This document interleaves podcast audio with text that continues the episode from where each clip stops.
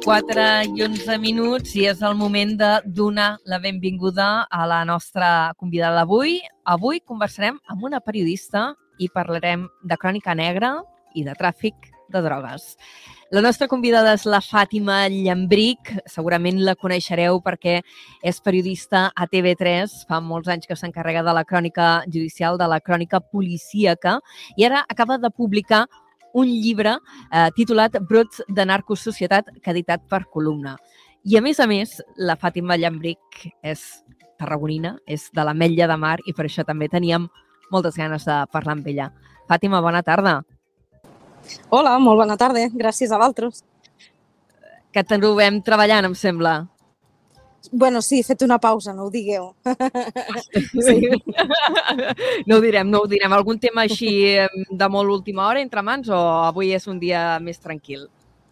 Que ha sigut un matí molt mogut per la gent que ha estat al matí i les tardes solen ser una mica més tranquil·les. Escolta'm, eh, dèiem que t'entrevistàvem avui o t'havíem demanat de poder fer aquesta entrevista perquè acabes de publicar aquest llibre Brots de Narcosocietat fa molt poquetes setmanes que ha sortit. Eh, eh, si no recordo malament, era la setmana passada que eres a Tarragona, a la, a la Capona, presentant-lo. Va anar bé? Sí, al soterrani vam estar, sí, va anar molt bé, sí, sí, sí. I res, porta, doncs este dimecres d'hora fer dues setmanes, o sigui que està acabat de llançar a les llibreries hem tingut l'oportunitat de llegir-lo, eh, no del tot, però sí, em passant en diagonal per poder-te fer l'entrevista. I hem de dir que és un treball que està entre el periodisme gairebé i la intriga, i la intriga policíaca. Sí, és, és un llibre molt policíac, és cert, perquè parla de sensacions, de sensacions abans, per exemple, d'una entrada i registre, d'aquells segons de tensió abans, d'aquella persecució a alta mar, a l'estret de Gibraltar. Té, té esta pàtina té una pàtina informativa, però per a mi eh, este llibre està escrit perquè la gent que el llegeixi pugui tindre eh, experiències o pugui viure experiències que d'habitual no viu. És a dir, jo vull que un llibre em porti a puestos on jo no vaig, no?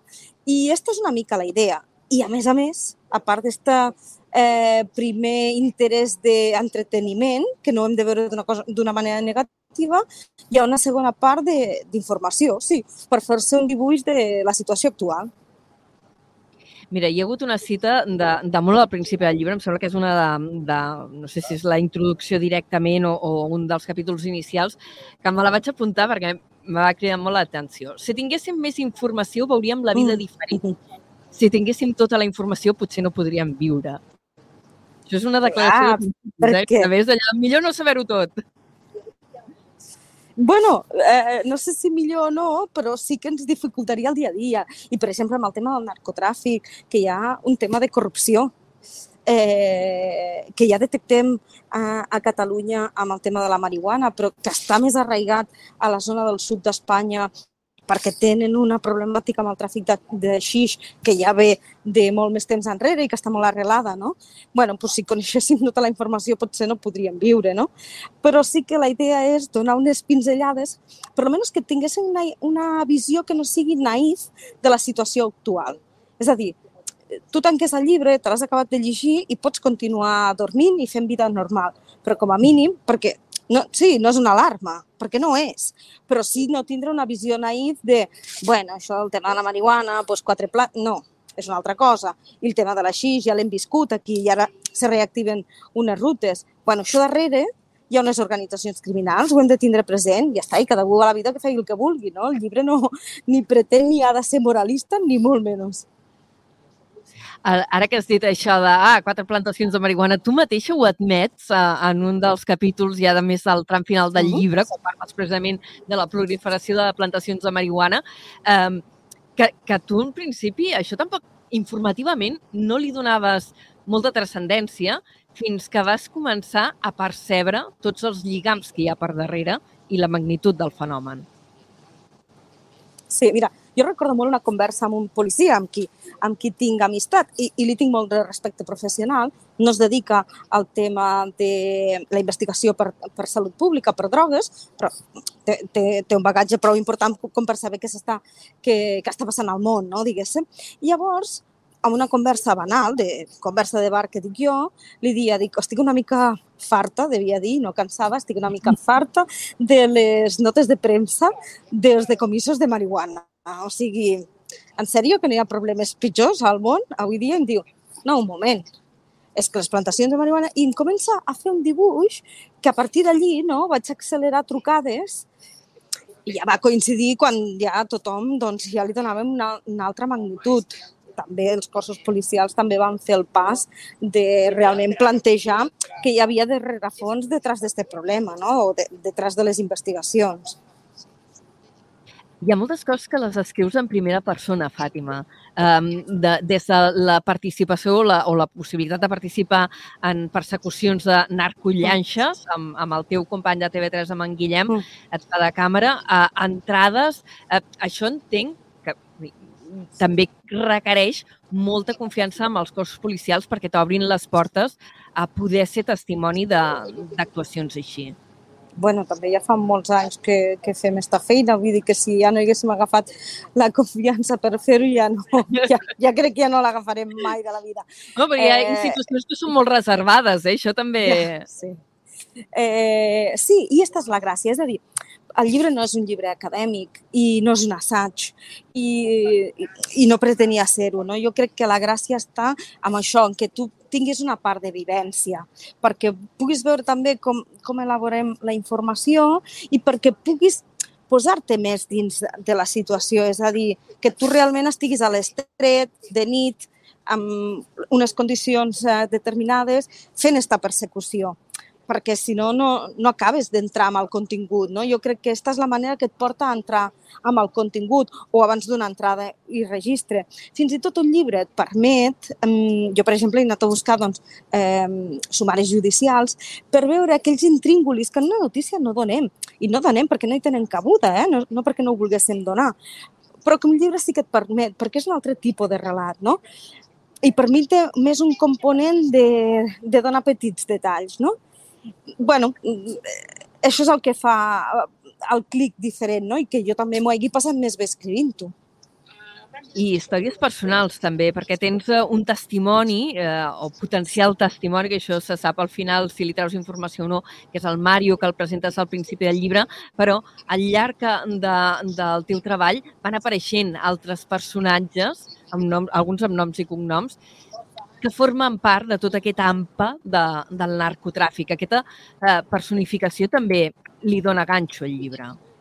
Bueno, i potser explica per què he acabat fent un llibre. És a dir, se, mira, sense el Mario, sense el noi que es dedica a produir marihuana, que es dedica a produir marihuana i que es guanya la vida amb això, eh, i que se la guanya molt bé. I sense una conversa que vaig sentir de manera fortuïta al camp de Gibraltar entre un advocat i un client, per mi la importància d'això és que mai els advocats t'expliquen les converses que tenen amb els clients, llavors jo estava en una taula del costat i ho vaig sentir de manera fortuita. Estos tres elements, per mi, fan els que crec que val la pena que acabi sent un llibre. Sense desmereixer tota l'altra informació que és més oficial, de jutjats, d'advocats, de, de, de policies, no? Però este contrapunt jo crec que li dona aquesta riquesa al llibre perquè tu acabis veient i entenent totes les parts. Mira, t'he de dir que aquesta conversa eh, que, que ara citaves eh, eh, és un capítol que em va semblar delirant, no? perquè tu mm, bueno, sí. allò de pura casualitat i, a més, mm, la, la, la conversa entre l'advocat i el client era el client que tampoc s'enterava molt de què anava la pel·lícula, perquè l'advocat li anava dient no, però a veure, quants telèfons tenies, eh, com ho justifiquem davant de la policia, i l'altre, com que no li donava cap mena d'importància, i jo m'estava imaginant l'advocat suant tinta, allò de a veure com justifiquem aquests canvis de línies que anaves fent. És que era com, era, era com divertit, el que passa que jo no tenia temps de divertir-me perquè no tinc molt bona memòria i llavors ho estava apuntant tot jo quan estic treballant sempre veiem llibreta i boli. Llavors havíem quedat amb el realitzador que estàvem fent al, al 30 minuts per TV3 i amb el Guillem Prieto havíem quedat en un bar mm, com a punt de trobada, doncs, després d'anar a descansar cada un moment. I llavors els hi vaig enviar un missatge de no vingueu, o sigui, no, no veniu i no digueu res, no, no vingueu. I, no vingueu per no clar, la llebre. Per no molestar, bàsicament. O sigui, jo veia que allò era un regalo i pensava, no, sus, quiero, aquí, no. ¿vale? I llavors, clar, tu estàs sentint una conversa que és una estratègia de defensa. I a més, et pots fer un dibuix molt real de, del tarannà de les dues persones, no? Clar, el client formava part d'una organització criminal o la policia i la justícia considerava que formava part d'una organització criminal, però diguéssim que a l'escalafó més baix de tot, no? Llavors, no era... Moltes llums no tenia aquell xic. Bueno, no era conscient de la realitat. O sigui, de fet, primer creia que l'advocat havia quedat amb ell per dir-li que li havien arxivat la causa. I llavors l'advocat li estava dient que no i ell no entenia este no. Llavors vivia en una altra dimensió i el tema del telèfon mòbil, quan, a, quan ho llegiu, ho veureu claríssim perquè l'advocat li està dient sense dir-li quina és l'estratègia que s'ha de seguir i ell no, no li veia la importància. Clar, quan se trobarà a judici ja li començarà a veure la importància, diguem. Ja. Yeah. Mm -hmm. Mm -hmm. um, uh, hi ha una part del llibre que també fas com un repàs històric, sobretot a la part de, més, um, bueno, de, del penyon de, de Gibraltar sí. eh, i de tota la situació que es viu al Jazires, com que ha sigut sempre una terra de contraband, no? Vens a dir que hi ha territoris que estan marcats per les seves característiques, fins i tot geogràfiques, i això determina el tarannà del que hi passa. Clar, és que estem parlant de... És a dir, ara salt narcotràfic de xix, però i també el contraband de tabac i provenen del contraband d'aliments, no? de bacallars, eh, una de les notícies que havia vist, un dels documents. És a dir, tampoc les narcollanxes no venen... Eh, presentes documents que venen del segle XIX, articles periodístics, fins i tot que cites allò de sapigueu que això no és nou, això ve de molt lluny. Clar, i té importància perquè el New York Times feia referència a la situació de Gibraltar i, i de la zona del camp de Gibraltar, és a dir, Gibraltar com a colònia britànica i la zona del camp de Gibraltar com a territori espanyol i les disputes que, que ja són de, pues això, de fa segles, no? Mm, per tant, tenia pes, tenia importància, no? perquè si no, no, no hagués sortit reflectit al New York Times. Per tant, este retorn de les narcollanxes des del Marroc fins a Catalunya i fins a Catalunya és fins a la zona del Delta, Costa de Tarragona, tampoc és nou. És a dir, hi va haver per on, no venien, han tornat, però és un camí que ja estava fet, com tenen fet també el camí fins a la Costa Brava, no? Per tant, res és nou. I una mica el llibre està, amb, està fet amb la idea, no sé si ho he aconseguit, que el sud d'Espanya fa d'espill de, de, mm, aquí, no? I les històries del passat, els documents del passat mm, vinculats aquí a Catalunya, també ens poden fer una mica d'espill. És a dir, pescadors vinculats de la zona de Tarragona, vinculats amb tema de narcotràfic, doncs això ho tenim de finals dels anys 90, iat, iots, eh, bueno, res és nou, llavors simplement se perfecciona. Mm. Eh, perquè eh, esmentes que en aquest cas, en el nostre cas de, de la demarcació, sobretot del sud de, de les Terres de l'Ebre, eh, aquest fenomen de l'entrada de haixix ja havia existit, però havia entrat en decadència i ara està remuntant. Què ho explicaria per tu, aquesta remuntada?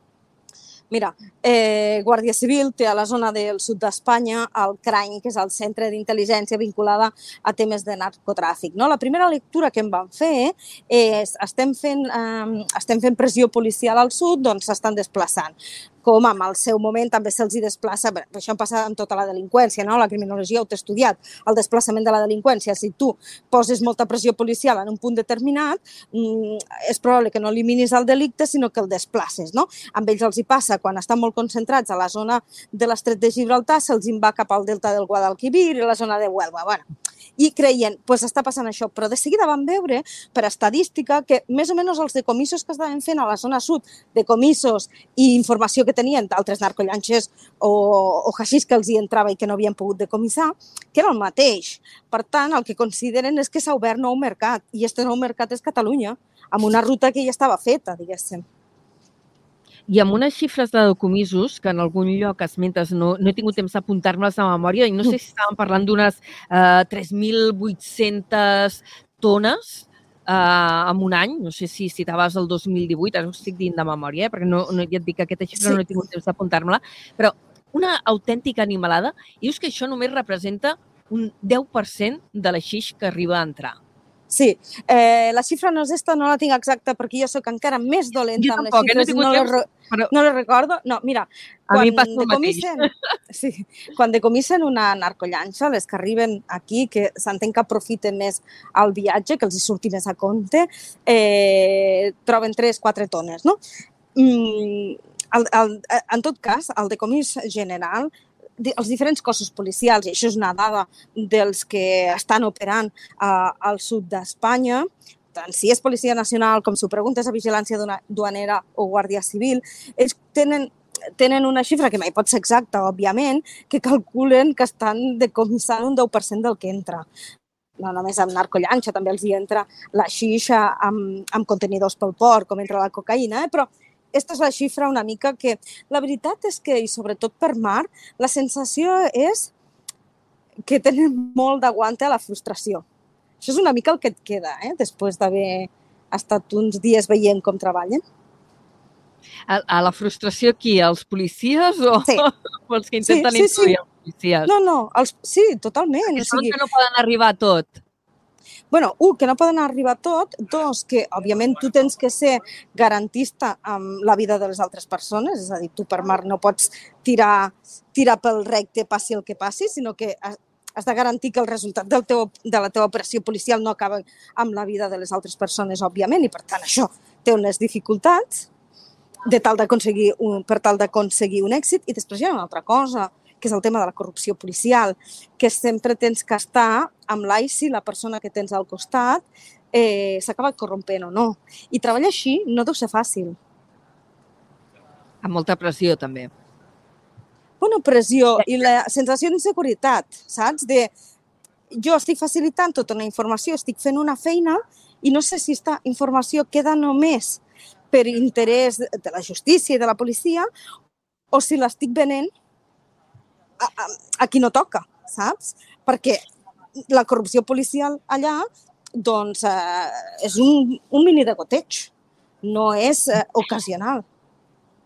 Per cert, Fàtima, que en aquest llibre eh, hi ha un capítol que es diu Sense cadàver que m'ha fet pensar en un treball anterior teu, en Mhm, què dius que va ser la primera, el primer llibre que vas publicar eh, sobre el crim mm, en què va ser condemnat Ramon Lasso per un cadàver que no Ahà. va aparèixer mai.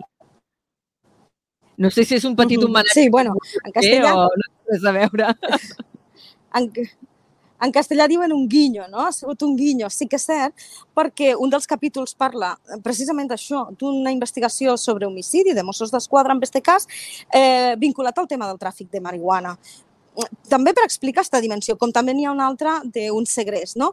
El tràfic de marihuana ara aquí també comporta homicidis i homicidis amb la peculiaritat de que no hi ha el cadàver també, i tam que no hi ha que l'han amagat, i també tema de segrestos, que són delictes no són delictes banals, són, són delictes importants i sofisticats, diguéssim.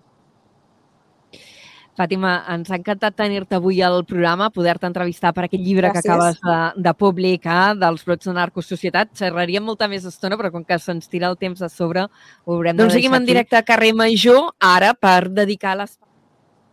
Moltes gràcies per haver-nos acompanyat. A vosaltres, merci. Adéu. Adéu. Adéu. Adéu.